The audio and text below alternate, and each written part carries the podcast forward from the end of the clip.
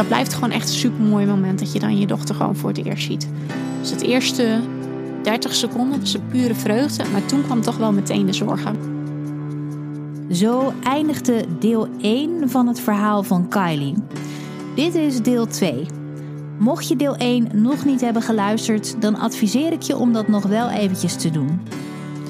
Omdat dit een verhaal is wat niet in een uurtje gepropt kan worden, heb ik ervoor gekozen om de tijd te nemen samen met Kylie en het verhaal op te delen in twee afleveringen. Maar eerst nog eventjes een kleine disclaimer, want dit verhaal is behoorlijk heftig en kan er dus best wel bij je inhakken. Dit verhaal gaat namelijk over een moeder die haar baby verloor. Ik zeg het je maar gewoon. Maar ik wil je ook uitleggen waarom het wel nodig is om te vertellen. Ieder jaar overkomt het een aantal ouders dat ze hun kindje tijdens de zwangerschap, bevalling of kort daarna verliezen. Of het er nu wel of niet over hebben, dat is de realiteit en het gebeurt gewoon. Luisteren naar dit verhaal vergroot je kans niet op het krijgen van een overleden kindje, maar verkleinen doet het het ook niet. Het kan iedereen overkomen en het is vaak domme pech. Maar wat het nog verdrietiger maakt voor de ouder die het is overkomen, is om het verhaal dood te zwijgen, om maar niets te zeggen. Want ook als de wieg thuis leeg blijft, is iemand moeder geworden. Het kindje is er, het blijft er, al is het soms alleen maar in iemands gedachten. Ik denk dat luisteren naar deze aflevering je kan helpen om te leren hoe je het beste kunt omgaan met iemand in je omgeving die dit is overkomen. Of dat je kunt voelen dat je niet alleen bent als dit verhaal ook over jou gaat. Oh, en nog iets. Er is ook nog een bonusaflevering beschikbaar die hoort bij deze aflevering. Daarin hoor je meer achtergrondinformatie over babysterfte en rouwverwerking. Dan gaan we nu verder met deel 2 van het verhaal van Kylie. Ze is net bevallen van haar dochtertje Mette, die een zeer zware hartafwijking heeft. Na de geboorte heeft ze haar heel even bij zich gehad, maar dan komt toch echt het moment dat de artsen haar dochtertje mee moeten nemen. Toen werd ze ook wel vrij slap en haar kleur werd ook wel wat blauwer. Dus uh, we hadden wat wensen van tevoren om dan in plaats van zo'n klemmetje voor de navelstreng, om dan met zo'n rubberbandje. Maar toen gaven ze dus ook al aan van we moeten nu wel snel gaan handelen, dus we doen niet het rubber. Maar dat werd ons uh, zeg maar wel verteld dat ze dat deden. Dus dan heb je er ook gewoon meteen vrede mee. Niet van we doen het maar gewoon. Nee, alles werd verteld wat er werd gedaan.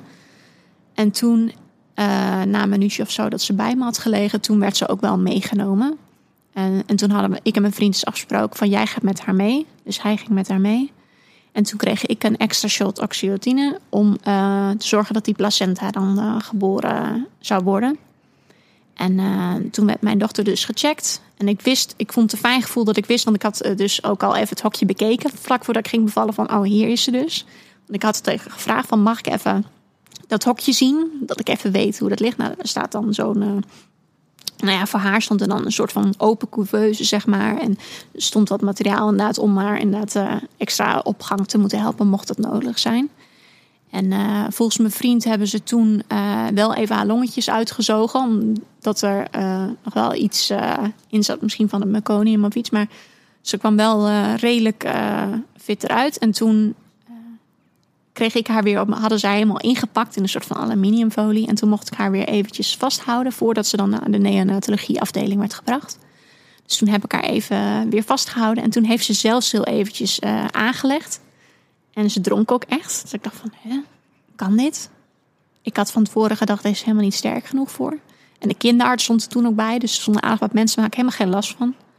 Want uh, die mensen zijn natuurlijk ook gewoon professionals. Dus die weten gewoon waar ze moeten staan en hoe ze zich moeten gedragen. Dus daar heb je eigenlijk helemaal geen last van. Dus uh, ze had eventjes gedronken en toen uh, hebben ze haar dus weggebracht. En uh, toen ik, toen, terwijl dat bezig was, toen verloor ik wel te veel bloed. Dus toen had ik ongeveer een liter bloed verloren. En toen werd mijn vriend dus ook op de hoogte gesteld van... we gaan haar zo wel naar de OK breng, brengen om de placenta te verwijderen. Want die placenta kwam niet. Dus toen uh, is mijn vriend met mijn dochter meegegaan. Dat hadden we ook afgesproken. En ik werd naar de OK gebracht. En toen voelde ik wel een soort van lichte paniek. Ik denk van, oh, dit is eng. Ja, want hoe was dat moment dat je haar dan weer af moest geven? Want je hebt daar natuurlijk maar heel kort bij je gehad. Ja, nou ja, eigenlijk zat hem die angst van er kan iets misgaan overheerst. Dus ik wilde haar ook weer afgeven. Want ik denk van als ik haar nu te lang bij me hou, krijgt ze misschien geen zorg. Dus ik had zelf al van, nee, maar ja, dat klinkt heel gek, maar ik had zelf van, er moet nu het beste voor haar is nu om gewoon meteen die zorg te krijgen. Dus ik wilde het zelf ook. Ik voelde me er ook niet heel fijn mee dat ze dan ook te lang bij me zou liggen. Ik denk van, dit moet gewoon. Ze moet, dit, voor haar het beste is nu dat zij die zorg krijgt. Dus dan heb ik haar maar even niet bij me, maar voor het vooruitzicht gaan we dat wel uh, zo doen. Dus eigenlijk vond ik bijna al dat ze te lang bij me lag. Uh, voor dat gevoel. Nu denk ik van had ze nog maar veel langer bij me gelegen. Maar op dat gevoel overheerst die angst toch wel het meeste. Een tegenstrijdig gevoel voor Kylie. Terwijl haar dochtertje wordt weggebracht, moet ze zelf naar de OK. Omdat ze voelt dat de paniek dreigt toe te slaan, bedenkt ze een bijzondere oplossing ik dacht van ja, ik moet mezelf rustig houden. Ik moet mezelf rustig houden. En ik weet gewoon van mezelf, als ik veel mensen om me heen zie en veel licht, dan word ik altijd heel onrustig van fel licht. Dus ik denk, ik doe mijn ogen dicht. Dus ik ben gewoon, ik heb vanaf toen, voordat we de gang gingen, mijn ogen dicht gedaan. En denk van ja, nou dan zie ik het ook niet. Dus dan heb ik gewoon meer rust zelf. Dus ik heb gewoon mijn ogen dicht gedaan. En uh, toen dacht ze dus wel dat ik buiten bewustzijn was. Dus op een gegeven moment ging ik maar zeggen van ja, uh, mijn naam is Kylie Mostert. Uh, ik ben net bevallen. Uh, ik ben er nog wel, maar ik vind het gewoon lekker rustig zo. Dus dat heb ik de hele tijd gezegd onderweg naar die OK. Ik heb de OK ook niet gezien. Mensen hebben mijn hand geschud. Ik heb ze niet gezien, dus ik weet niet hoe ze eruit hebben gezien. Want ik dacht tijd, nou, ik hou mijn ogen gewoon dicht. Dus nou ja, toen zei ze, nou, we gaan u in slaap brengen. En de volgende zin was, u bent op de uitslaapkamer. Dus daar krijg je helemaal niks van mee. Is ook heel gek. Dus gewoon ineens een gat uit je oog. Ja, maar ik snap het wel. Het is ook wel fijn om je misschien even... Dus zoveel gebeurt en je wil je gewoon even terugtrekken in je eigen ja, kokonnetje of zo. Ja, precies. Ik denk, ik hou me gewoon nu even zo rustig mogelijk. En als ik inderdaad misschien te veel dingen omheen zie, word ik misschien onrustig. Dus ik ga gewoon mijn ogen dicht doen. En op de uitslaapkamer heb ik dat op een of andere manier ook nog gewoon vastgehouden. Dus ik heb dat ook helemaal niet gezien. Ik heb een ijsje gekregen en... Uh, ik uh, heb nog allemaal mensen, uh, een, een, verpleegkundige die moest uh, niezen. En zei ik, wel in je elleboog. Nou, dat hing dus blijkbaar op een plaatje en heb ik dat gezegd. En ik heb, een vriend zei iets in het Engels. en toen heb ik zijn grammatica nog verbeterd. De Engelse docent natuurlijk. en dat ik later ook zei van, heb ik dat serieus gezegd? Hij zei, ja, nou moest ik ook wel om lachen. De je bent een, be een, beetje wappie, word je wel van, uh, ja, ja, dat is ja. niet zo gek. Ja. ja. dat was echt, en ik weet nog, ik had last van mijn keel inderdaad. En dat ijsje vond ik heerlijk. Dus uh, ik was echt dat ijsje eten, vond het helemaal fantastisch. En daarna toen de uitslaapkamer. En toen werd ik nog wel naar uh, de kraamkamer gebracht. Maar toen ben ik dus ook om vijf uur s'nachts... met bed en al hebben ze mij naar de neonatologie afdeling gebracht. Zodat ik mijn dochtertje weer voor het eerst uh, kon zien. Want rond 12 uur was mijn placenta dan uh, verwijderd officieel. Nou ja, dan moet je inderdaad nog even hechten. En, uh, als en om vijf uur s'nachts ben ik dus naar mijn dochter gereden. En nou, ik was toen nog nou, een beetje wappie inderdaad van die narcose. Maar ik was ook heel erg misselijk ook wel. En ik had natuurlijk op de operatiekamer had ik ook nog wat bloed verloren. Dus ik voelde me ook, mijn ijzerniveau was niet heel goed. Ik heb net geen transfusie gehad, dus dat was weer voor een positief punt. Het is logisch dat Kylie zich na dit alles nog niet bepaald geweldig voelt. Ze mag ook nog niet lopen en dus wordt ze met bed en al naar haar dochtertje toegereden. Ze voelt zich verdoofd en durft haar gevoel niet toe te laten. Ik wist wel echt, ik hou heel veel van je. Maar het was 90% en die laatste 10% durfde ik niet. Dat stukje angst hield me heel erg tegen en schuldgevoel. Dus ik heb uh, de eerste dag, uh, kan je zo meteen wel even foto laten zien, heb ik ook echt. Uh, de eerste twee dagen heb ik alleen maar gehuild. Ik kon haar niet zien. Ik zag alleen maar alle slangetjes. En ik kon, ik kon niet zien hoe mooi ze was. Ik kon niet zien van, oh, ze is aan het weg. Dat, dat kon ik helemaal niet meer zien. En op een gegeven moment zie je ook hoe belangrijk die verpleegkundigen ook zijn. Het is echt fantastisch gewoon hoe mooi werk die mensen doen en hoe belangrijk ook. Uh, ik zat daar de tweede dag en ik was alleen maar aan het huilen. En ik zei ook uit frustratie van ik kan haar helemaal niet vasthouden. Ik kan niks voor haar doen. En toen zei ze, je kunt wel vasthouden. Ik ga je helpen. Dus toen zei ze, nou, je gaat je hand, ga je onder deze beademingsbuis doordoen. En dan kan je zo haar hoofdje vastpakken. En die andere hand, uh, die ga je hier zo onderdoor doen. En dan heb je er vast bij de... Dus nu heb je haar gewoon in je armen. En uh, toen had ik weer mijn armen. Nou, ik bleef natuurlijk huilen. En uh, toen zei ik ook van ja, ik, ik durf die liefde niet toe te laten. En toen heeft ze gewoon lekker met me meegehuild. En toen zei ze ook, en ik zei van ik voel me zo schuldig, ik heb haar dit aangedaan. Ik heb besloten dat, dat zij hier ligt. En toen zei ze nee, het is helemaal niet zo. Je hebt als ouder heb jij uh, haar de beste kans willen geven. En je hebt niet verzonnen dat de natuur dit heeft besloten. Dat zij uh, zoiets ernstigs. Dat heb jij niet besloten. Jij wil haar de beste stad geven. En uh, jij wil voor haar vechten. En dat is juist heel mooi. En het enige waar je spijt van moet hebben. Is dat jij niet die liefde toelaat. In plaats van dat jij spijt hebt van jouw beslissing. Dat is het enige waar je spijt van moet hebben. En wat er ook gebeurt of het nou goed gaat of dat het slecht gaat, dat is het enige waar je spijt van moet hebben. Of, uh, nou ja, ze zei het niet zo hard, maar dat hielp mij heel erg. En uh, de, vanaf toen, nou ja, het uurtje daarna, toen kwam inderdaad die liefde, die kwam. En toen zag ik inderdaad hoe mooi ze was en uh, dat het echt mijn dochtertje was. En toen kon ik pas echt laat die volle overgave geven. Maar dat was echt zodat die verpleegkundige echt met mij ging zitten en dat zo mooi tegen me Ze gebruikte mooier woorden dan die ik zei hoor. Maar ik kan het niet helemaal weer herinneren. En emoties vertroebelen soms ook een beetje de. Ja, maar je zegt het eigenlijk al heel mooi, vind ik. En, maar toen, toen durfde je het eigenlijk pas toe te laten. Toen zij dat eigenlijk zo ja. tegen je zei. Ja, toen uh, ging die angst en dat schuldgevoel, dat blokkeerde mij. En uh, toen dat weg was, en mijn vriend had wel wel meteen, die was al helemaal verliefd, zeg maar. En dan voelde ik me weer schuldig dat ik dat niet voelde. En toen inderdaad dat hoge woord eruit was, dat hartluchten zeg maar. Nou, toen inderdaad uh, kwam die liefde ook. En uh, ik kan je straks wel een foto laten zien, maar je ziet ook echt zeg maar een foto van dat ik haar nog huilend in de armen heb. En de dag daarna zie je echt die liefde erin. Dat is echt een bizarre overgang. Dat, uh, dat je dat stukje toelaat, zeg maar. Dat angst, je, ja, dat is heel zonde. Dat angst je dat stukje liefde dan ontzegt. Ja, maar ook logisch is een soort zelfbescherming natuurlijk. Ja, dat is het ook. En uh, wat me sowieso heel erg heeft geholpen was op een gegeven moment kwam ik een uitspraak uh, tegen uh, van neem geen voorschot op je verdriet. Van wat er ook gaat gebeuren, of het nou misgaat of niet. Je kunt niet nu al verdriet hebben dat je dan minder voelt of zo. Je gaat dan nog steeds extra hard voelen. Dus hoe zonde is het als je dan nu al verdriet op hebt voor iets wat je nog niet weet wat gaat gebeuren. Hoe, met wat ook in het leven. Dus dat gaf me wel heel veel kracht van ik ga nu ervoor zijn. Ik ga nu van haar genieten. En wat er ook gebeurt, uh, we zijn er gewoon voor haar. Later laat Kylie me inderdaad nog wat foto's zien uit die begintijd. En het is precies zoals ze zegt. Op de foto voor het gesprek met de verpleegkundige kijkt ze een beetje wezenloos voor zich uit. Alsof ze door haar dochter heen kijkt. En op de andere foto zie je opeens een andere vrouw, zo lijkt het.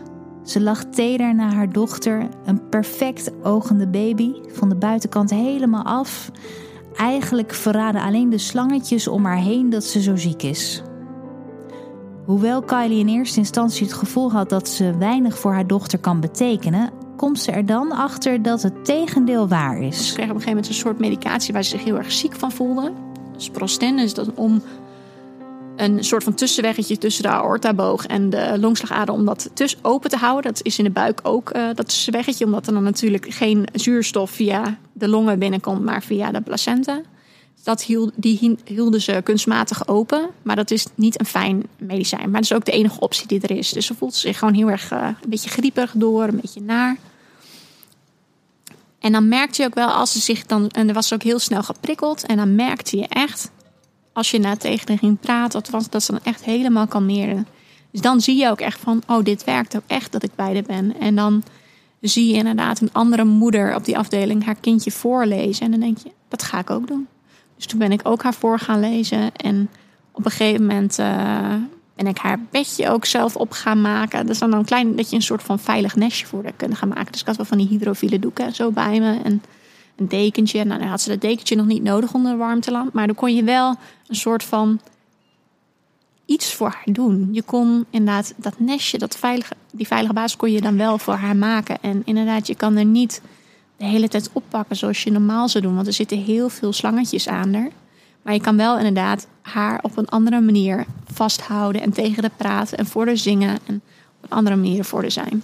Ze werd beademd, dus er zat een uh, soort van beademingsbuisje in haar. Ze had een soort van uh, elektrode op haar hoofdje om te meten of ze niet epileptische aanvallen kreeg. Want het gebeurt vaker met een hartafwijk dat een kindje dan soms ook epileptische aanvallen kreeg. Nou, ze had een soort van meter om, om te kijken of ze nog uh, genoeg hersenactiviteit had. Ze had dan een saturatiemeter om haar voetje of om de handje. Om te kijken naar wat zuurstofgehalte in het bloed was. Dan had ze een arteriële lijn. En dat is een, uh, een soort van lijn in haar hoofdslagader, in de armpje. Omdat er best wel vaak bloed afgenomen moet worden. En je wil zo'n kleintje natuurlijk niet te vaak prikken.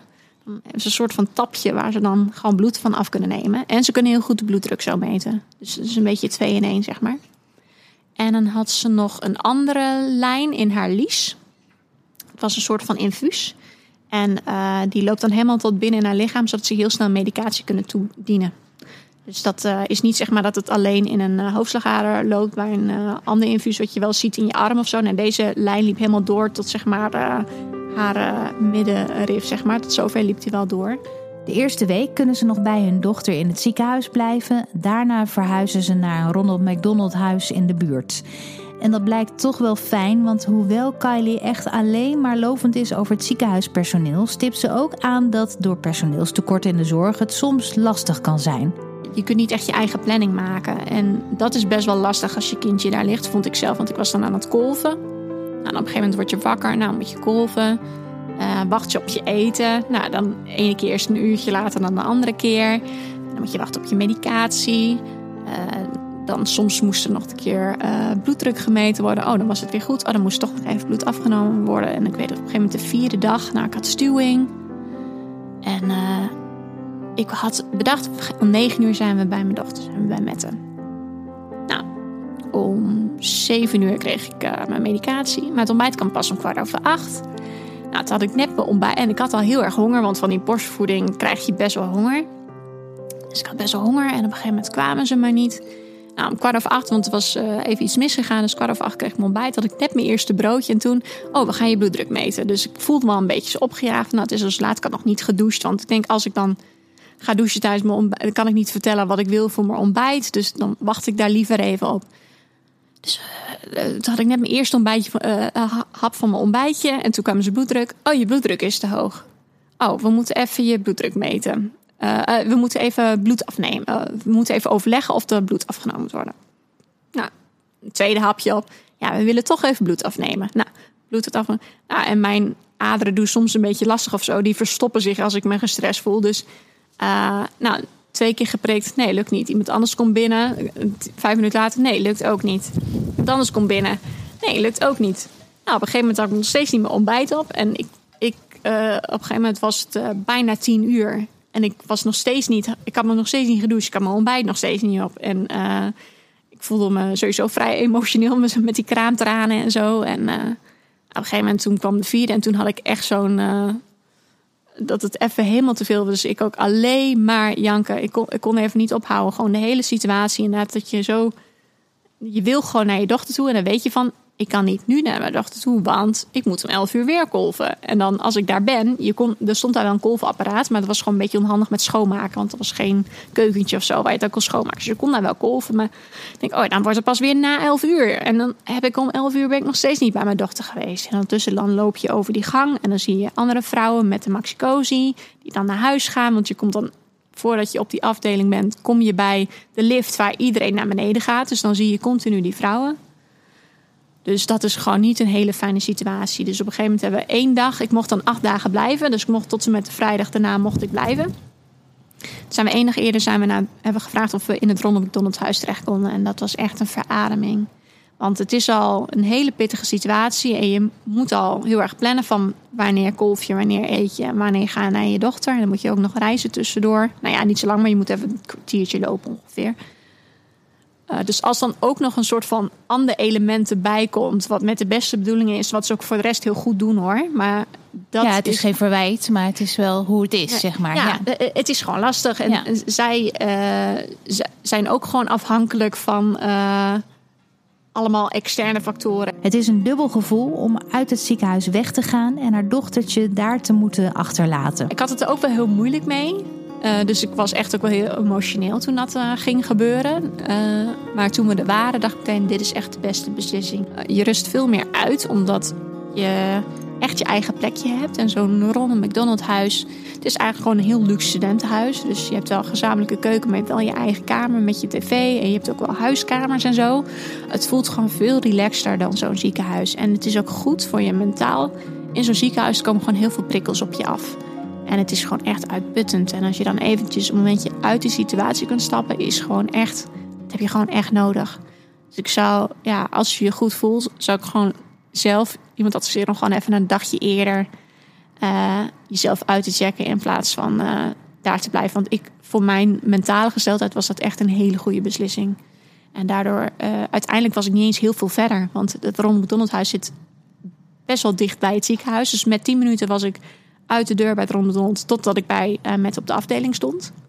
Maar uh, in het ziekenhuis was het best wel een lang stuk wat ik moest lopen. Daar was ik ook wel zeven minuten mee bezig. Dus het scheelde maar drie minuutjes. Het is meer in je hoofd uh, eigenlijk dat je dat gevoel hebt dat je daar dan moet zijn. Terwijl ja. eigenlijk maakt dat natuurlijk niks nee, uit inderdaad. Qua tijd was je er net ja. zo snel. En het is ook goed om dan eventjes in de frisse lucht te zijn. En dat stukje lopen naar het ziekenhuis geeft je soms echt een beetje, ja, bijna als een soort van meditatie. Gewoon dat je eventjes je rust pakt. Je zet inderdaad een podcast op. Je zet een nummer op waar je je goed bij voelt. Dat je eventjes die gedachten gewoon... Dat is echt even je relax momentje. Ja. Even de zorgen aan de kant zetten en uh, even die tijd voor jezelf nemen. En dat opladen is hard nodig, want met metten gaat het uiteraard niet goed. De hoop was, is dat uh, ze sterk genoeg was om tot drie à vier maanden te wachten om dan de eerste operatie te doen. Want dan is uh, zijn kindje net even wat sterker. Maar wat bleek bij um, de eerste echo's is dat haar aortaboog heel nauw was. En in combinatie dat de linkerkant minder uh, ontwikkeld is, uh, was dat niet wenselijk. En moest er wel echt iets gebeuren waardoor organen anders uh, te weinig zuurstof zouden krijgen. En die organen ook uit zouden gaan vallen. Dus er moest echt wel op de kortste termijn iets gebeuren. Dus in plaats van met drie à vier maanden een operatie, moest ze dus al met tien dagen geopereerd worden. En uh, wat er dan gebeurt is, uh, als je zo'n, uh, er wordt dan verteld, we willen graag met, de komende cardiologen komen bij elkaar. En dan zit er ook een verpleegkundige die je kent, toevallig ook dezelfde verpleegkundige als die mij zo geholpen had, die zit dan bij dat gesprek. Je mag het gesprek op opnemen, dat hebben wij telkens ook gedaan. Van, dan kun je het even terugluisteren, want soms onthoud je dingen gewoon minder goed door alle emoties. En dan gaan ze je vertellen inderdaad van, ja, dit is ons plan. En uh, wat wel zo was, wat eigenlijk hoopvol was, is dat ze een, rep, uh, een operatie wilden doen om te repareren en niet een levensreddende operatie. Dus repareren betekent dat ze zoveel mogelijk willen herstellen zoals het eigenlijk hoort. En dat ze gewoon levens redden is dat gewoon, ze maken er iets van zodat het leefbaar is, maar niet ideaal. Dus dat was in principe eigenlijk positiever dan uh, het zou kunnen zijn. Dus dat was eigenlijk wel hoopvol. Nu merkten we wel dat ze op een gegeven moment uh, hield wat meer vocht was en ze plaste ook minder goed. En ze kreeg wat ontstekingen in haar buik. Dus we zagen er wel wat achteruit gaan richting die operatie. En de operatie is toen op een gegeven moment ook één nacht naar voren gezet. En normaal zeiden ze ook: gaan we niet opereren als iemand een ontsteking heeft. Maar we zien wel in, als we dit langer, dan gaat ze eigenlijk alleen maar meer achteruit. Dus het is nu even kiezen tussen twee kwaad en dan doet dit het minste kwaad. Dus daar hebben ze wel voor gekozen: we gaan wel opereren. En tijdens die operatie, uh, we hebben trouwens van tevoren wel de chirurg ook gesproken voordat die operatie werd gedaan. Dat is ook heel prettig. Dat je even een gezicht erbij ziet. Want het is zo'n wereldvreemde situatie waarin je ziet. Dan is het fijn dat er ook een stukje persoonlijk in zit. Dus we hebben haar van tevoren gesproken. Het heeft ze ons ook precies uitgelegd wat ze ging doen en wat de risico's van de operatie waren. was bijvoorbeeld een overlijdingskans van 15% bij die operatie. Dus we wisten ook wel, oké, er is ook wel een kans dat zij het niet redt, die operatie. Dat wisten we ook wel van tevoren. Maar we wisten ook, we zagen achteruit gaan, dit is ook de enige kans die ze heeft. Dus we moeten het ook gewoon er was geen twijfel of we dat moesten doen of niet. Het moet gewoon gebeuren. Want anders is de overlijdenskans 100% als we het niet zouden doen. Dus op een gegeven moment uh, werd ons ook uitgelegd van nou ja, zo en zo laat uh, gaan we opereren. En dan mag je ook van tevoren nog even de, op de afdeling op. Ook al is dat normaal het moment dat je er niet op mag zijn. Er is altijd een bepaald overlegmoment. Maar als er zoiets gebeurt, wordt daar natuurlijk een uitzondering voor gemaakt. En je mag ook meelopen naar. Uh, uh, tot een bepaalde deur van de operatiekamer. Ik heb daarvoor gekozen om dat niet te doen. Ik kon dat niet aan. Dus ik heb afscheid van haar genomen terwijl ze op uh, de afdeling lag.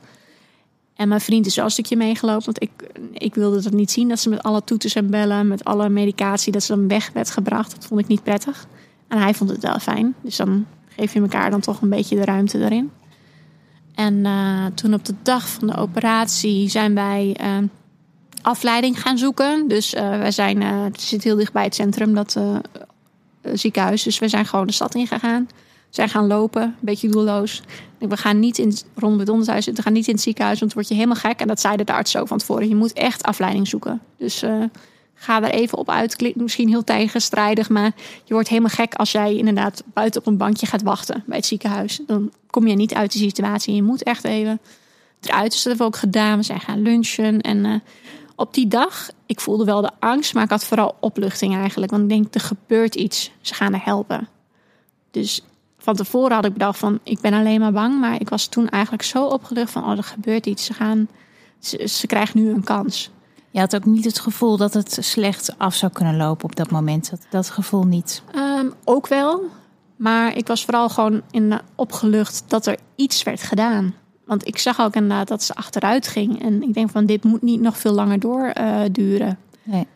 Dus uh, vooral die over, opluchting die je overheerste eigenlijk. Van er gebeurt iets. Er wordt actief iets gedaan. Er wordt iets ondernomen. Het lukt een klein beetje om afleiding te zoeken. Maar in gedachten blijft Kylie toch met haar hoofd in het ziekenhuis. Voor iemand die net tien dagen geleden is bevallen, loopt ze eigenlijk veel te veel.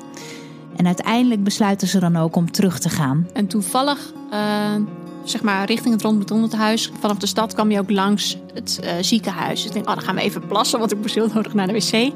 En toen zat ik op een bankje te wachten en toen werd ik ineens gebeld. Toevallig. En we hadden rekening gehouden met acht uur, maar dat was ongeveer zeven uur daarna. Dus toen werden we gebeld dat de operatie geslaagd was. En eigenlijk nog wel iets beter dan verwacht. Want ze hadden een soort van tweede plan. Dat was uh, een andere chirurg uit Utrecht die kwam over ook voor die operatie. Dus één uh, uit Groningen dan en eentje die uit Utrecht overkwam. Die werken heel veel met elkaar samen. En die uh, cardioloog die stelde ook nog een ander plan voor. Om, want ze zouden eigenlijk alleen de aortaboog gaan herstellen. En eventueel rond de longslagader een soort van bandje leggen. Zodat het uh, balans wat meer was. En toen zei die arts van ja, als wij toch alles open hebben, kunnen we beter gewoon wel even naar het hartje gaan kijken. En om te kijken of die linkerkamer er acceptabel uitziet, dan kunnen we misschien al dat gat gaan dichten. En het was de dag voor de operatie dat die arts dat voorstelde. En toen is de chirurg nog wel even met ons in gesprek gegaan van ja, dat willen we dus wel gaan kijken of we dat misschien ook gaan doen. En toen hebben wij wel gezegd, nou, we vertrouwen wel op dat jullie een wel overwogen beslissing gaan maken. En toen bleek dus ook dat uh, dat er beter uitzag dan gedacht. Dus de linkerkant was, uh, die klep van de linkerkant, zeg maar, die zag goed uit was groter dan gedacht. En toen hebben ze dat gat ook dichtgemaakt en hebben ze geen bandje meer om de longslagader gedaan. En dat zou dan kunnen betekenen dat ze dan in de toekomst een operatie minder nodig zou hebben. Omdat dan niet weer los dat gat dan weer gedicht moest worden. En dan moet je je voorstellen dat hart is de grootte van een walnoot. Nou ja, die uh, slagaders eromheen zijn natuurlijk nog smaller. Hebben ze een stukje van die slagader een stukje kunnen verwijderen. Met een donorstukje uh, hebben ze eerst nog geprobeerd het stukje een beetje uit te en dan weer te hechten, maar dat lukte niet. Met een donorstukje hebben ze dan nog weer gehecht om het breder te maken. Nou moet je je voorstellen hoe klein dat is. Hebben ze in dat hartje hebben ze dat gat gedicht. En dan denk je, op de echo's was het best wel een groot gat. Was een gat van 2 mm. Zo klein dat ze dat kunnen is echt bizar. En dat ze dan ook nog een klein ventielgaatje hebben opengehouden. Dat is echt bizar dat dat kan. Bizar, inderdaad. Echt een wonder dat het kan. De operatie is geslaagd en eindelijk mag ze weer bij haar dochter komen. Dat was heel gek om haar te zien, want uh, er staat natuurlijk allemaal spierverslappers. Dus haar hele mimiek was gewoon weg. En ze ligt er gewoon heel erg verslaafd bij en uh, heel wit. Het is natuurlijk best wel een opdonder en uh, ze heeft in een hartlongmachine gelegen. Dus ziet er niet heel fijn uit, zeg maar. Hij is echt gewoon spierwit. En uh, nou ja, haar borstkastje die lag nog open. Want uh, na zijn operatie kan er best wel wat zwelling opspelen. En als je dan het borstkastje weer dicht maakt, dan kan je je voorstellen dat dat vocht dan nergens heen kan. En dat je dan alsnog weer de borstkast open moet maken. Dus die laat ze dan bewust even open. Dan doen ze wel een soort van uh, gage ervoor. Maar je ziet dus wel echt het hartje er doorheen kloppen. Dat is heel. Ik durfde er eerst ook niet naar te kijken. De eerste dagen heb ik het. ont- En meestal leggen ze er ook wel even iets eroverheen. Iets van een gaasje. De verpleegkundigen doen dat wel. Maar op een gegeven moment, het zit best wel hoog. Echt wel bijna tot, eh, tot het sleutelbeen loopt het bijna wel. Dus het, loopt echt heel hoog. Dus als er dan een deze, het komt er best wel een puntje zeg maar bovenuit. Dus als je dan bij, beide ligt, dan eh, ja, zie je dat wel. Maar op een gegeven moment wen je er ook wel een beetje aan. Dat ze, dat ze daar zo ligt. En dan durf je er heel voorzichtig wel een beetje naar te kijken. Hoewel ze beseft dat dit het beste was voor haar dochtertje, de operatie die moest gewoon, voelt het toch heel dubbel om haar nu zo ziek te zien. Omdat ze nu op een andere afdeling ligt en haar borstkas nog niet is gesloten, kunnen ze Mette niet vasthouden. Maar wel is het mogelijk om naast haar te gaan liggen. En dat is dan wel heel fijn. En de eerste keer moest ik nog wennen, maar daarna merkte ik echt dat ik zo rustig werd. Want dan voelde dan iets wat dan toch een beetje normaal is. Dat je met je kind gewoon in een groot bed ligt. Wat je normaal misschien ook zou doen. Dat je dan even je kindje bij je in bed neemt. Dat je dan even naast je kind kan. En ik merkte, toen sliep ik gewoon. En had je het idee dat zij dat ook voelde? Ja, ja, dat had ik wel echt. Ik merkte wel heel erg dat zij heel erg op ons reageerde. Dus ik bleef er ook gewoon eh, voorlezen. En inderdaad voor de zingen. En eh, wat ik vast kan houden, probeer ik er wel vast te houden. Dus dan even de hand op haar buikje dan. Dan onder waar de trains zaten en de pacemaker en dergelijke. Wat je dan wel vast kunt houden. Of even op de hoofdje bijvoorbeeld. Maar de eerste paar dagen was ze nog wel verslapt en echt in slaap gebracht. En na een paar dagen toen werd ze wel weer wakker, zeg maar. En toen deed ze ook echt de ogen heel ver open en maakte ze heel veel contact. En volgde ze je ook heel erg. Dus dat, daardoor kon je echt zien inderdaad eh, dat ze door had dat je er was. En dan was ze ook bijvoorbeeld aan het slapen. Als je er aankwam, ik, oh, ze moet even slapen. Dus dan ga ik stil doen. Dan ben je met de verpleegkundige. Als je dan soms aankomt, ben je aan. Dan geven ze altijd een soort van update. Zeg maar van, eh, nou, zo is de nacht doorgekomen. En dan hebben ze net overleg gehad van, we hebben besloten om vandaag dit en dat te gaan doen. Dat is echt heel fijn. Elke ochtend krijg je even een soort van, eh, dit is het plan voor vandaag. En ehm, dan werd ze soms wakker. En dan lag ze zeg maar op de rug. En dan keek ze echt zo, ik weet dat je er bent. En eh, je hebt me nog helemaal geen hooi gezegd. Maar dat ik, kon je echt zien van, ze merkte echt dat je er was. Dus dan keek je echt je kant op van, ja, ik weet dat je er bent. En ook bijvoorbeeld als ze wat onrustig was. eh, als je dan tegen haar ging praten of eh, een liedje voor de zong, merkte je echt dat ze rustiger werd. Het zijn wel mooie momenten om te herinneren. Ja, zeker. Dat is echt heel mooi. En ik ben ook wel blij dat we die momenten ook wel echt met haar hebben gehad. En het gevoel van dat je, want je voelt je zo machteloos als ouder. Van je kan niks doen, maar dat kan je dus wel doen. Je kunt, ze heeft het echt door dat je er bent. Ja. En dat is ook heel lief. eh, nou ja, sowieso fantastische verpleegkundigen gehad ze allemaal. Echt heel fijn, heel betrokken. En eh, die zeggen dat ook van. Je kunt echt merken dat, ze, dat jullie er zijn. Want dan eh, is ze veel rustiger en net als wat onrustig. En als jij daar vastpakt, is ze meteen veel meer relaxed. Je ziet het in de hartslag, je ziet het daaraan. Dus dat vertellen ze je ook wel echt. En eh, wat ook heel mooi is, is dat de artsen je ook om advies vragen. Dus eh, je denkt van, oh, ik kan helemaal niks me en ik weet niks. Maar bijvoorbeeld als de arts denkt, oh, haar kleur is een beetje gek vandaag. Vertellen ze, ja, wat vindt u van haar kleur vandaag? Ik zeg, ja, ik vind het wel bleek.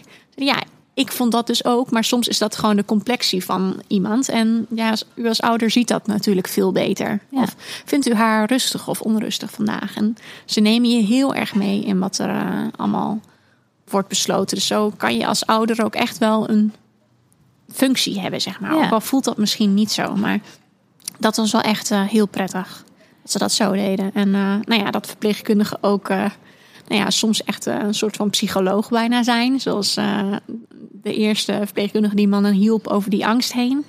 Maar ook inderdaad, als je er even doorheen zit, dat je even bij hun kunt eh uitrazen, zeg maar. Vinden ze helemaal goed. Of juist over hele domme dingen het gaat hebben. die helemaal niks met je dochter te maken hebben. Maar dat je eventjes kunt luchten.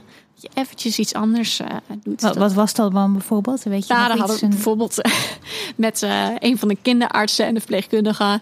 eh, nou, die verpleegkundige zei dus, nou, ze heeft dezelfde geboortedatum eh, al- als ik. Dus daarom is het een beetje mijn vriendinnetje, zei ze zo heel lief. En eh, en toen vroeg die arts, oh, welk jaar komen jullie? Nou, ik naar het jaar 89 en uh, mijn vriend uit 87. Zei ze dus, oh, ik ook uit 87. Dus we zijn wel een beetje dezelfde, uh, uh, we hebben waarschijnlijk een beetje dezelfde rages meegemaakt. En toen zei ik dus, oh, was jij, voor, was jij vroeger verliefd op de Backstreet Boys of op Five? Welke van de twee bands? wij moesten altijd een team kiezen.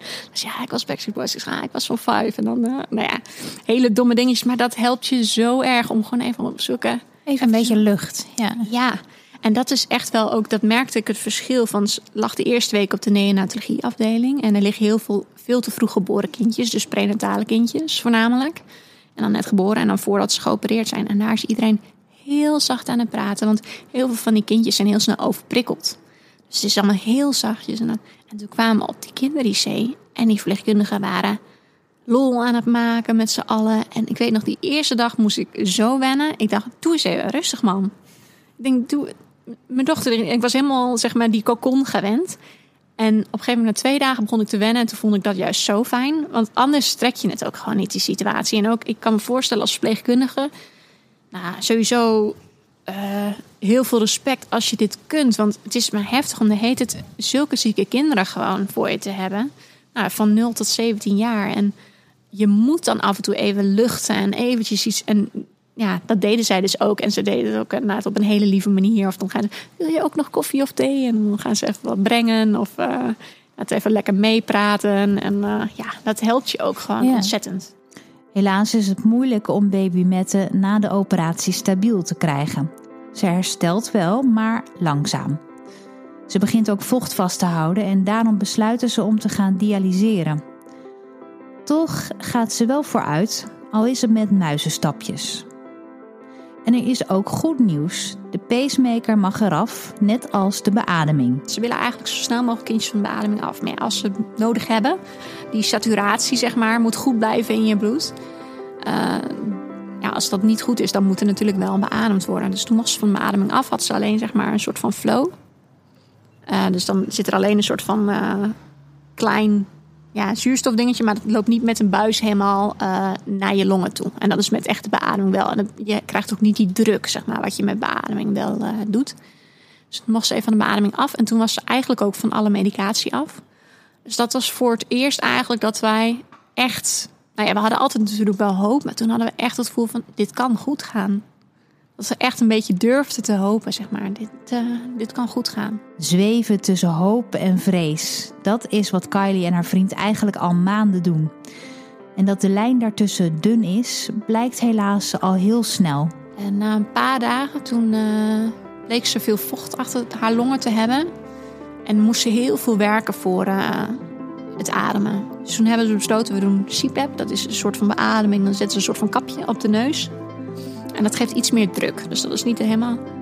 Maar uh, dat heeft een dag gehad. En uh, toen op een gegeven moment uh, ging het Ze had ineens allemaal koorts. En ze was heel onrustig. En ja, het ging niet goed met haar. Ik weet nog, we zouden met vrienden gaan eten. En kwamen er aan. En ineens was het gewoon helemaal mis. We kwamen daar en je zag aan haar dat ze in paniek was. En ik kreeg er ook niet goed rustig. En nou, ze had dus heel gekoorts. Ze had 40 graden koorts. En ja, het, ging. Uh, toen zeiden ze al, misschien heeft ze een infectie of iets dergelijks. En toen zeiden we, ja, wat moeten we doen? Ze zeg ja, het kan zijn dat we moeten gaan intuberen. Dus dat we weer opnieuw die beademingsbuis in moeten gaan brengen. Maar dan mogen jullie niet bij zijn. Dus uh, we kunnen ervoor kiezen dan dat we jullie even bellen als we dat gaan doen. En dat je bellen wanneer het klaar is. En ze zeiden, je moet wel uit eten gaan. Want je bent toch alleen maar aan het wachten. En je maakt jezelf toch gek. En je beter eventjes afleiding hebben met wat vrienden. Dus zijn we wel gaan eten. En uh, toen werd ik inderdaad, toen we onderweg waren, het was een half uur, nog een kwartier nadat we weg waren, we gaan intuberen. En toen had ik ook gevraagd, ja, wilt u me straks even terugbellen? En toen inderdaad kreeg ik later een belletje van, nou, het is goed gegaan en ze is een stuk rustiger. En, uh, en toen kwamen we s'avonds, uh, nou, toen hebben we wel dat uit eten een beetje ingekort, zeg maar. Op een gegeven moment werd ik gewoon onrustig en ik zeg, ik moet nu terug. Dus toen hebben we afscheid genomen en toen zijn we teruggegaan en toen, hakte voor, toen waren we echt eventjes helemaal uh, moedeloos. Want toen moest ineens ook weer alle medicatie moest erbij op. Dus was van alle medicatie heeft dan allemaal rijen met een soort van spuiten die dan uit waren. waren allemaal weg. En ineens stonden er weer vier rijen vol met medicatie. Dus dat was echt even... Uh, dat we echt helemaal te neergeslagen waren. En dat ze En ook zo ongrijpbaar, dat het dus van de ene op het andere moment bijna... dat het gewoon weer helemaal Ja, mis kan zijn. Terwijl je een dag ervoor nog hoop hebt. Ja. En denkt, nou, we durfden echt voor het eerst echt een beetje te hopen, zeg maar. En dat was ineens inderdaad eh, weg. En eh, wat ze dan wel doen als ze vermoeden van zo'n infectie hebben, geven ze eigenlijk meteen antibiotica. Omdat je met zo'n kleintje niet het bloedonderzoek af kan wachten. Omdat die marges gewoon zo klein zijn. Het, een klein infectietje wat eh, bij ons misschien alleen eh, misschien een halve graad koorts oploopt, kan bij zo'n kleintje fataal zijn. Dus, en ze was ook ondertussen heel erg afgevallen, omdat het heel veel energie kostte om dat allemaal eh, op gang te houden. Ze was bijna 3100 gram bij geboorte en ze woog toen nog 2400 gram. Dus echt wel, eh, terwijl ze meer dan een maand oud was. Dus dat is wel echt flink afgevallen. Ze was ook echt best wel mager. En ja, toen kon ze niet per se iets vinden, maar waarschijnlijk had ze wel een infectie. En dat zei op een gegeven moment ook een eh, viroloog, was ook langs geweest. Die zei ook van alles wijst erop dat dit waarschijnlijk een infectie is geweest, wat ineens die terugslag heeft eh, veroorzaakt. Dat het ineens zo plotseling eh, kwam. En na die infectie ging het eigenlijk heel langzaam, maar de goede kant op. Dus sindsdien is ze eigenlijk niet meer van de beademing af geweest. En eh, de medicatie werd wel afgebouwd, dus dat werd wel minder. Er werden wel stapjes, maar veel kleinere stapjes dan daarvoor. Dus eh, normaal had je misschien dan, had je bijvoorbeeld eerst kreeg ze 3 milligram en dan eh, zag je de dag daarna zag je anderhalve milligram dat ze ergens van kreeg. Ik ben geen medicus, dus misschien zeg ik de verkeerde verhoudingen, maar, ehm, maar nu ging het van, ze ging van 0,30 milligram naar 0,28 naar 0, met zulke kleine stapjes moesten ze het gaan afbouwen telkens. Omdat ze gewoon wist dat die balans bij haar zo moeilijk te vinden was. Eh, dat was echt flinterdun. Ze moest veel langzamer af- afbouwen dan normaal. En ehm, ze, eh, ze lag ook nog steeds in de dialyse. En normaal gezien eh, kan het tot zes weken duren dat je niertjes weer een beetje het oppakken na zo'n operatie. Het is niet heel gek dat ze even niet functioneren. Maar toen kreeg ze precies met die zes weken kreeg ze dus die infectie ongeveer. Dus toen zei ze ook van ja, we gaan de niertjes nog niet opgeven. Want die infectie is natuurlijk ook niet helemaal fair. Want dan gaat alles natuurlijk op slot in je lichaam. Dus we geven nog wel ietsjes meer tijd. Het is tien weken na de geboorte ongeveer en Kylie en haar vriend schuiven opnieuw aan bij de kinderarts voor een gesprek. En ook schuift er een deskundige op het gebied van nieren aan, een nefroloog. De boodschap is slecht. En toen vertelde zij ook dat het er niet goed uitzag. Dus vanaf toen wisten we ook eigenlijk wel, het gaat waarschijnlijk niet meer goed komen. Of geval, of een heel zwaar gehandicapt kindje, of ze overleeft het gewoon niet. Dat wisten we toen eigenlijk wel. Want de situaties die zij schetste en de dingen die moesten gebeuren, ehm, heel veel andere elementen hielden dat tegen. Dus als je puur alleen dat gebied van de nier is, werd nu eh gedialyseerd via eh, een slagader in haar nek. Nou, dat is niet een fijne manier om daar lang mee door te gaan. Zeg maar. Dus op een gegeven moment wil je wel een andere manier van dialyseren hebben. Maar deze manier van dialyseren is wel het meest constant voor de bloeddruk. Nou, omdat haar hartje natuurlijk gerepareerd is, zeg maar, kan dat wel minder hebben dan een gezond hartje. Dus de combinatie van hart en nieren is gewoon niet heel wenselijk. Het stapelde zich een beetje op Ja, en op een gegeven moment kwam ook met het beademen. Het was moeilijk om die beademing eh, af te bouwen, want ze kreeg dan toch weer locht, eh, eh, vocht in haar longen. Ze konden niet goed een verklaring daarvoor vinden. Ze hebben op een gegeven moment nog een hartkatheterisatie gedaan om dan te meten van wat zorgt er nou voor dat ze niet zo vooruit gaat. Ondertussen loopt er nog een second opinion in Rotterdam, omdat ze in het ziekenhuis in Groningen niet meer zo goed weten wat ze nog kunnen doen voor babymetten. Tegen beter weten in voelt dat toch als een klein sprankje hoop voor Kylie en haar vriend. Je hebt zeg maar de realistische blik, dat je alles hoort wat ze je zeggen. Maar je hebt ook die hoopvolle blik, die, ook al is er geen hoop meer, zie je als ouder altijd die hoop dat het goed gaat komen. En dan denk je, ja, maar hier ze misschien niks, maar dan zeggen ze daar, we hebben net dat pilletje uitgevonden en dat helpt en dan is het meteen goed. Ook al weet je heel realistisch gezien dat het helemaal niet kan. Maar dat blijf je geloven. Dat is echt, dat blijf je, want dat geeft je de kracht om door te gaan. Het is zo uitputtend en je moet iets hebben om je vast te klampen en dan doet je lichaam dat. Of je hoofd bedenkt dat, ik weet het niet. Maar dus dat ligt wel eens met elkaar in de clinch. En toen de nefroloog dat zo duidelijk tegen ons zei, toen wisten we ook eigenlijk wel, het eh, komt niet goed. Want ze zei van ja, Ze moet sowieso een transplantatie hebben, want die niertjes gaan het niet meer oppakken. Is geen activiteit. Uh, nou ja, ze moet wel een aantal kilo zijn, maar ze komt heel moeilijk aan. Dus dat kan wel jaren duren voordat zij zover is. Nou, dan kun je niet deze manier van dialyse blijven doen, want dit is heel erg infectiegevoelig, deze. En het is niet leefbaar, want je kunt niet. We konden haar, als ze aangesloten was op het dialyseapparaat, konden we haar niet vasthouden. Alleen als die uitgevallen was, konden we haar eventjes oppakken. Dus ja, dat is niet uh, leefbaar, zegt ze. En toen zei ze ook wel heel hard van, maar ook goed. Van, we moeten ons wel gaan afvragen wat we haar dan nog willen aandoen. Als we heel eerlijk gaan kijken naar de situatie. En dat hakte er wel even in. Toen kwam ons, bij ons echt een besef van... misschien is dit uh, inderdaad niet de juiste weg... dat we maar door blijven gaan voor haar. Toen kwam dat besef eigenlijk wel een beetje. Mijn vriend had het iets minder dan ik.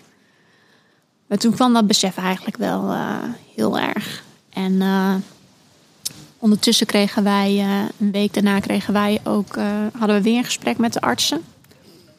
En toen hebben zij ook wel, toen ze elf weken oud was, toen gaven zij ook aan van wij zien geen behandelmogelijkheid meer. Dus toen zei het ziekenhuis wel van wij zien geen mogelijkheid om haar beter, beter te maken.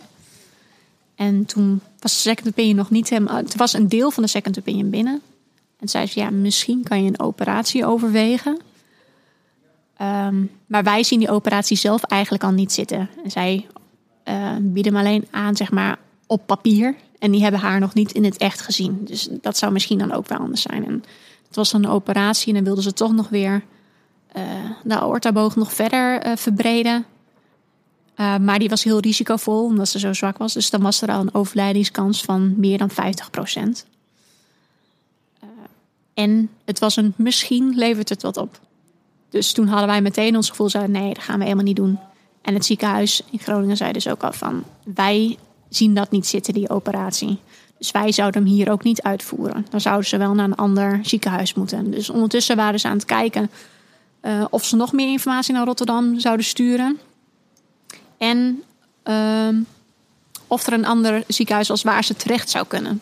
Want er moest wel en een hartcentrum zijn en een niercentrum. Dus dat was dan wel moeilijker daardoor. En diezelfde avond was ik eigenlijk al afscheid van haar aan het nemen. Dus uh, ik ook tegen de verpleegkundige, ik moet voet- en handafdrukjes hebben. Dus zij in het knutselhok is gegaan van de pedagogische medewerkers. Die trouwens ook hele leuke dingen organiseren en zo. En heel lief. Uh, heeft zij...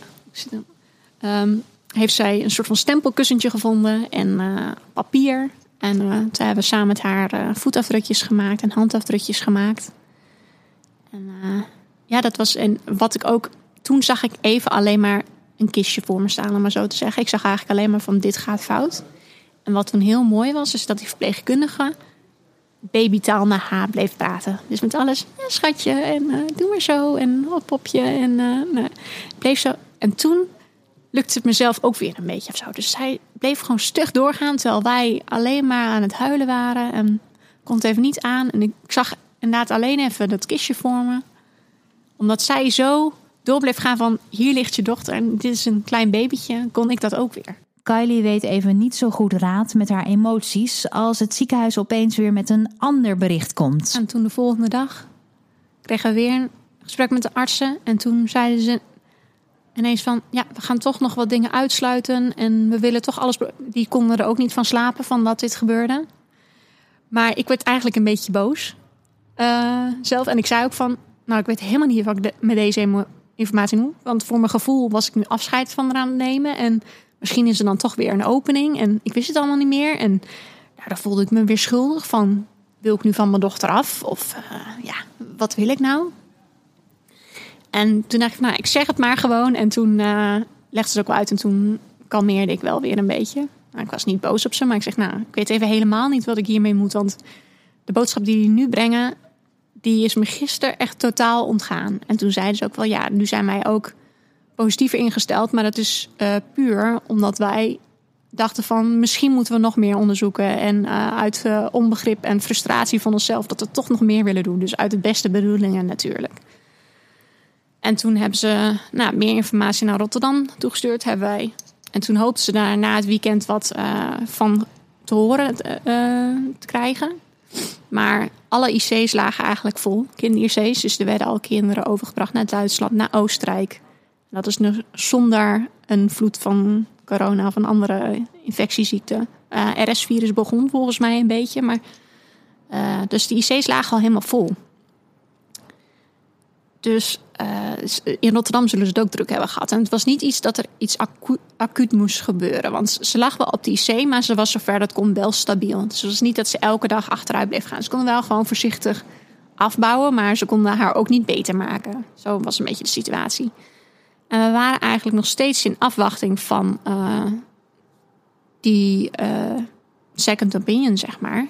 En toen op donderdag uh, toen hadden wij al wel voor onszelf besloten van misschien is het beter dat we afscheid van haar gaan nemen. Want uh, we wisten wel, ze is niet meer beter te maken.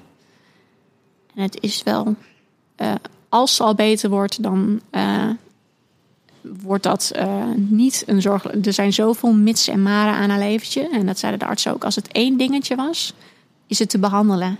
Maar op een gegeven moment zijn er tien dingetjes bij elkaar. En die combinatie is het ook heel moeilijk. En dan heb je dat puzzelstukje. Je weet niet waar het in de puzzel past, maar misschien ook niet in welke puzzel die hoort. Het is zo ingewikkeld dat allemaal bij elkaar. We weten het zelf ook niet meer eigenlijk. Dus uh, wij waren wel eigenlijk zover van we moeten eigenlijk wel afscheid van haar gaan nemen. Maar we wilden wel die second opinion hebben afgewacht, zeg maar. En op een gegeven moment had ik op donderdagochtend, was 19 december. Uh, het was met eigenlijk gewoon rustig wel dat ze een beetje afwezig was. Maar ze was wel gewoon rustig en stabiel. Er zat wel wat meer vocht weer. En toen zat ik op een gegeven moment met mijn kinderarts. kwam even bij me zitten. En ze heeft gewoon echt een uur naast me gezeten of zo. En toen zei ik dus ook dat ik het idee van... want je mag geen euthanasie plegen bij een kindje. Uh, dan zou je haar moeten laten versterven. Dat vond ik een heel naai idee. En toen zei ik dus ook tegen de kinderarts van... ja, uh, dat beangstigt me heel erg. Van hoe uh, ook al krijgen ze dan verdoving en zou ze die moeten voelen, vind ik dat toch een naar idee. Dat ze dan bijvoorbeeld heel veel vocht vasthoudt en dat ze dan langzaam steeds moeilijker. Vind ik gewoon echt heel naar. En toen zei ik dus nog van ja, ergens hoop je gewoon dat de natuur het voor je beslist. Dat jij die beslissing niet als ouder hoeft te maken. En toen zei zij wel van, nou, de natuur beslist het eigenlijk een beetje al. Ze zegt, ze heeft misschien wel weer een infectie heeft ze laatst weer gehad. Nou, dat zijn best wel wat dingetjes bij elkaar. Dat natuurlijk toch wel bepaalt van er komt steeds meer bij. Maar toen zei ze wel van je moet je wel realiseren dat als jullie wel doorgaan, met het wordt nooit meer beter. En in het gunstigste geval ben je nog maanden in het ziekenhuis, maar hoogstwaarschijnlijk zit je nog jaren aan het ziekenhuis vast. En dan wordt ze nooit meer beter. Ze blijft altijd zwaar gehandicapt. Er zijn altijd heel veel dingen die haar tegenhouden. Dus um, toen was ik even alleen met Mette, want we wisselden het een beetje af. Om elkaar een beetje te ontlasten, zeg maar. Dat adviseerde op een gegeven moment maatschappelijk werkster van het ziekenhuis. Toen wij na twee weken al helemaal kapot waren, zei ze: Jullie moeten het nu anders gaan doen. Dus ik was toen uh, even bij haar. En toen heb ik ook tegen haar gezegd: van uh, lieverd, als jij moe bent, dan uh, laat ze je gaan. En s'avonds was mijn vriend bij haar. En toen heeft hij dat dus ook tegen haar gezegd. Toen is hij gewoon weggegaan rond een uurtje of negen. En ze waren gewoon uh, in het ronde McDonald's huis. Uh, ik had net mijn tanden gepoetst, ik had mijn badjasje aan.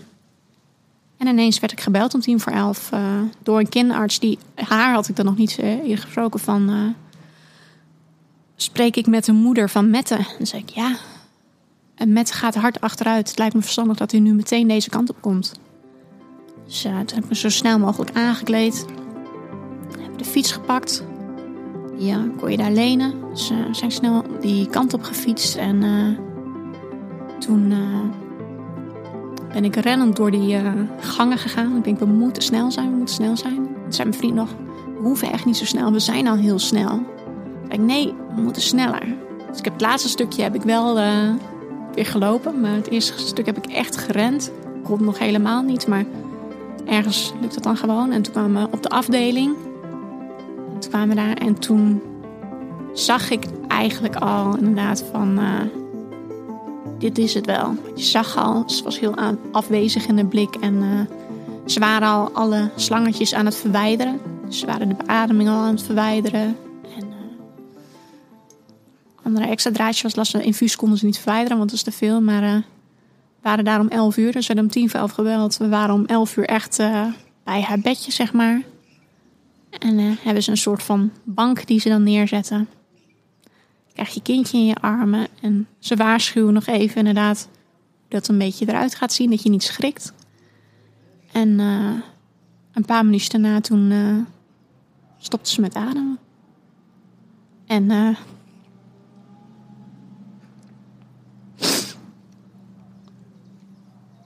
Neem maar even een slokje water. Ja.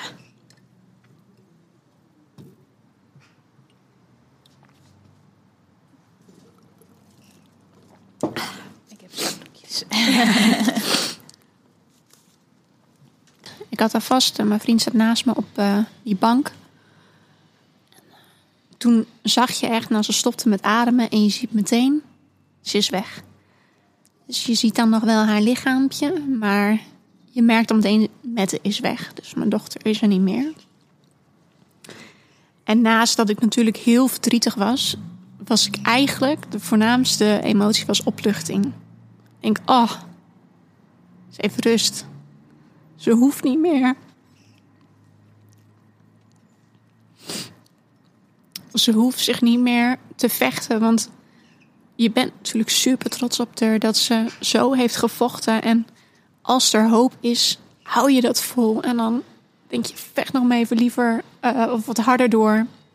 Maar als je weet dat ze niet meer beter wordt, dan wil je eigenlijk gewoon zo snel mogelijk die rust voor haar. Dan ben je zo opgelucht als ouder dat ze het niet meer hoeft te doorstaan. Zo'n soort tegenstrijdig gevoel natuurlijk. Ja, je wil ja. haar als moeder wil je haar bij je houden. Ja, Gewoon altijd. ja, En tegelijkertijd ja, wil je haar ook die rust geven. Ja. wil je niet dat je kind pijn lijdt. En Nee, nee, want zo je kind zien is gewoon echt eh, verschrikkelijk. En eh, ik had wel eerder met de kinderarts over gehad. eh, in de twee weken daarvoor, zeg maar, toen we wisten van het gaat waarschijnlijk niet goed. of niet meer goed komen. Toen zei ik ook van, ja, kunnen wij dan de behandeling stopzetten? Want dit gun ik haar niet. En toen zei ze ook wel, want ik zeg, ja, ik wil als ouder natuurlijk niet mijn kind verliezen. Maar wat ik het liefst wil als ouder is dat zij niet lijdt. En toen zei zij inderdaad van, nou ja, dat is natuurlijk wel de grootste vorm van liefde die je kunt geven als ouder. Ook al wil jij inderdaad, als je puur zelfzuchtig kijkt, wil jij je kind niet verliezen. Maar als je kijkt in het belang van je kind, ja, is dat niet altijd doorgaan. En als er inderdaad hoop is, dan zet je door. Als dat er niet meer is, dan wil je echt gewoon die rust. Dus eh, toen ze op een gegeven moment haar hart stopte, toen kwam de arts nog even bij ons om eh, eh, haar officieel dood te verklaren. En dat was zeven minuten over elf. Ze waren gelukkig net op tijd. En dat stelde me ook gerust. Dat je hebt gezien dat ze niet in paniek was. Ze was echt heel rustig. Dus zij gaf zich ook over. En dat jullie bij haar waren, het heeft ergens ook wel iets, ondanks dat het natuurlijk niet mooi is, maar heeft het wel iets bijzonders, vind ik, dat jij het gevoel had dat je snel naar haar toe moest gaan. Ja. En dat ja, toch alsof zij op jullie heeft gewacht of zo, bijna. Ja, Ja. dat denk ik ook. En wat ik ook zo bijzonder vind, want mijn eh, vriend bleef heel lang hoop houden. En durfde niet zo toe te geven van misschien is de dood dan het beste. En eh, twee dagen voor haar dood zei een verpleegkundige ook nog van ja, liefde is ook kunnen loslaten. En bij hem kwam toen pas een beetje besef aan dat hij dat dus die avond dat ook tegen haar heeft gezegd voor het eerst. Ja, is misschien een beetje bijgeloof van mezelf. Of misschien dat ze het wel heeft gevoeld dat ze echt doorhad van mijn ouders vinden het nu goed. Nu kan ik. En ze is ook heel snel achteruit gegaan. Dus eh, ze was gewoon stabiel de hele dag. En eh, de verpleegkundige die bij haar stond, zei een kwart over tien begonnen de eerste tekenen. En dus binnen een uur is overleden. En dat zegt ook wel, zei de arts ook, van dat zegt dat ze echt op was. Was echt het druppeltje. Ze was inderdaad zo instabiel. Dat eh, Ja. er was niet veel voor nodig. En dan kan je ook nog wel zo'n obductie laten doen. Dus dat je precies laat uitzoeken van wat is de precieze doodoorzaak. Nou, wij wilden dat niet. Want we denken, ja, het heeft voor ons geen meerwaarde om dat te weten. Er waren zoveel dingen. En onze voornaamste wens was rust voor haar. Dus eh, wat heel mooi was, ze deden de gordijnen dicht. Ze zeiden, willen jullie haar in bad doen? Beetje gek. Maar dat was zo fijn. Want ze was nog nooit in bad geweest. Nee. Heb je nooit kunnen doen. Dus dan doen ze de gordijnen dicht. Zet het badje voor je neer. Ze hebben water erin gedaan. En we mochten echt onze tijd nemen. Dus we hebben echt tot drie uur s'nachts of zo. Zijn wij bezig geweest met haar in bad doen. Haar even insmeren met bodylotion. Een pakje uitkiezen wat ze aankon. Maat 50 was nog veel te groot. We hadden helemaal geen kleinere maatjes. Maar op een gegeven moment had ik een pakje wat van bol was. Wat dan wel mooi viel. En dat stond er ook mooi. Dus dat deden we aan. En ik weet nog dat uh, vriend haar oppakte in haar pakje. Toen moest ik ook zo huilen. Ik, zag voor het eerst hem als, als een normale vader even. En dat was heel gek. De verpleegkundigen maken nog voetafdrukjes in gips van Mette als een herinnering. En als ze aangekleed en wel in haar bedje ligt, komen alle verpleegkundigen die voor haar gezorgd hebben, stuk voor stuk nog even langs om te condoleren. Dan bellen ze familie op om zich te laten ophalen. En Mette, die mag mee. En dat was heel tegenstrijdig. Maar ook heel fijn. Want we zeiden ook al meteen, dat hadden we al eerder tussendoor, als we dan zo gedachten ons opkwam, zeiden, zei ik al meteen: Ik wil geen uitvaart in een lege zaal. Of uh, ik, wil, en ik wilde mee naar huis, zei ik ook meteen. Ik wilde niet ergens laten opbaren, zo. Ik wilde mee naar huis. Dus uh, meteen had uh, onze schoonvader ook al de uitvaart verzorgder had hij, opgebeld. Die al binnen de familie wat dingetjes had gedaan. En die zei dus prima, ik kan morgen dan zo'n verkoeling meebrengen. Maar dat kan gewoon een nachtje.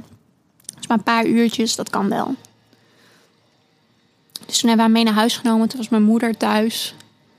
En uh, toen hebben we haar bedje voor het eerst opgemaakt. En uh, dat was verdrietig, maar tegelijkertijd voelde dat wel als het mooiste wat we voor haar konden doen. Het voelde heel goed. Van we nemen haar mee naar huis en ze is nu op het plekje wat we voor haar hadden gemaakt. Dat kamertje waar we uren aan hebben besteed om dat uh, toch wel in orde te maken. Ook al weet je niet hoe het af gaat lopen, maar je wilt dat toch goed voor elkaar hebben, zeg maar. En ze hebben op een kamertje gelegd. En uiteindelijk uh, hebben we haar ook tot de uitvaart daar ook gehouden. En de uitvaart ook gewoon bij ons thuis gehouden. Gewoon heel klein. Want we wilden haar zoveel mogelijk gewoon op de plek waar ze hoorde hebben. En dat voelde voor ons het meest natuurlijk. En het is voor iedereen natuurlijk persoonlijk wat natuurlijk voelt. Maar voor ons voelde dat het beste. En we hebben continu ons uh, gevoel uh, gevolgd. En ons niet laten leiden van, oh, wat is nou eigenlijk de bedoeling? Nee, gewoon kijken, wat, waar hebben wij zelf behoefte aan? Hoe willen wij het zelf? En dat hebben we gedaan. En dan ben ik nog steeds, kijk daar wel met een zo mooi strand, mooi gevoel op terug. Vandaag de dag gaat het met Kylie met ups en downs. Het uh, blijft heel wisselend gaan, maar je merkt wel uh, door de tijd dat je het rouwproces een plekje kunt geven. En ze zeggen ook wel eens: rouwen is een werkwoord, rouwen is hard werken, rouwen is een gevecht. En op het begin was ik ook heel erg in gevecht met dat rouwen, want ik wilde niet. Je bent natuurlijk continu, je voelt je verschrikkelijk, maar je wil je niet zo voelen. Dus op de dan heb je bijvoorbeeld ochtends weer, stap je naar bed en dan denk je, ja, niet weer. En dan ga je daar, nee, probeer je dat een beetje te verdringen. En dan probeer je dat niet te voelen. Maar vervolgens blijft dat gevoel dan nog dagen hangen. Dus wat ik nu doe en wat voor mij dan heel goed werkt, is door te accepteren dat dat verdriet er dan is. Dat even helemaal toe te laten en het ook dan op te zoeken als ik dat voel. En dan kan ik daarna ook weer beter verder gaan. Door even te accepteren dat dat verdriet er gewoon is. En ehm, niet in dat gevecht te blijven hangen. Want in een gevecht kan je het jezelf heel moeilijk maken, maar ook makkelijk door af en toe even een beetje mee te vieren, zeg maar. En dat helpt mij heel goed. En um, wat ook. Um, het stuk, ja, dat klinkt heel pessimistisch, maar je neemt een kindje aan, hoop je naar dat perfecte plaatje wat je voor je had. En nu de realisatie dat dat nooit meer perfect gaat worden. Dus het komt niet meer goed. En dat klinkt heel pessimistisch. Maar we gaan er wel het beste van maken. En dat geeft mij heel veel rust. Door niet te streven naar de perfecte, want dat komt er niet meer. Maar dat is niet anders. Je gaat daar niks aan veranderen. Maar je probeert dan wel het mooiste toch wel ervan te maken met wat mogelijk is. En dat geeft me heel veel rust eigenlijk. En daardoor kan ik er veel positiever in staan. En uh, wat uh, ook wel zo is, als ik nu verdrietig ben, dan probeer ik dat verdriet een beetje te omarmen, zeg maar. Dus als ik dan verdrietig ben, dat ik me daar niet rot over voel of schuldig over voel. Dat ik dan denk van nee, ik houd wel heel veel van haar. Daarom voel ik me zo. En daardoor dat ik gelijk met dat verdriet dan ook een soort van tegelijk warm gevoel krijg. Van ja, dit is wel de bevestiging dat ze veel voor me betekend heeft en nog steeds doet. Je hoorde het verhaal van Kylie. Ik wijs je er nogmaals op dat er rondom deze aflevering ook nog een bonusaflevering beschikbaar is met meer achtergrondinformatie. En dan heb ik nog een vraag aan je, los van het verhaal van deze aflevering. Ben je eigenlijk al vriend van de show? Als je naar vriendvandeshow.nl slash potnataal gaat namelijk, dan kun je je aanmelden als officiële vriend. Je kunt er in contact komen met mij en andere luisteraars, laten weten wat je vindt van de show en er extraatjes ook nog vinden. En ik hoop dat als je geniet van Potnataal, dat je dan ook wil overwegen om misschien donateur te worden. Dat kan namelijk heel makkelijk via Vriend van de Show. Je kunt eenmalig iets doneren of vaker of helemaal niet. Dat mag ook. Ik zou het in elk geval heel tof vinden, want nou ja, misschien denk je dat je heel rijk wordt van uh, een podcast. Nou, ik kan beamen, uh, je wordt ontzettend rijk van uh, het praten met al deze bijzondere vrouwen. Dat heeft me ontzettend verrijkt, dat sowieso. Maar financieel nou is het niet echt een vetpot, zullen we maar gewoon even zeggen. En het maken van mooie dingen kost helaas wel geld. Dus als je iets kunt bijdragen om ervoor te zorgen dat deze podcast nog lang blijft bestaan, nou, dan is dat helemaal te gek.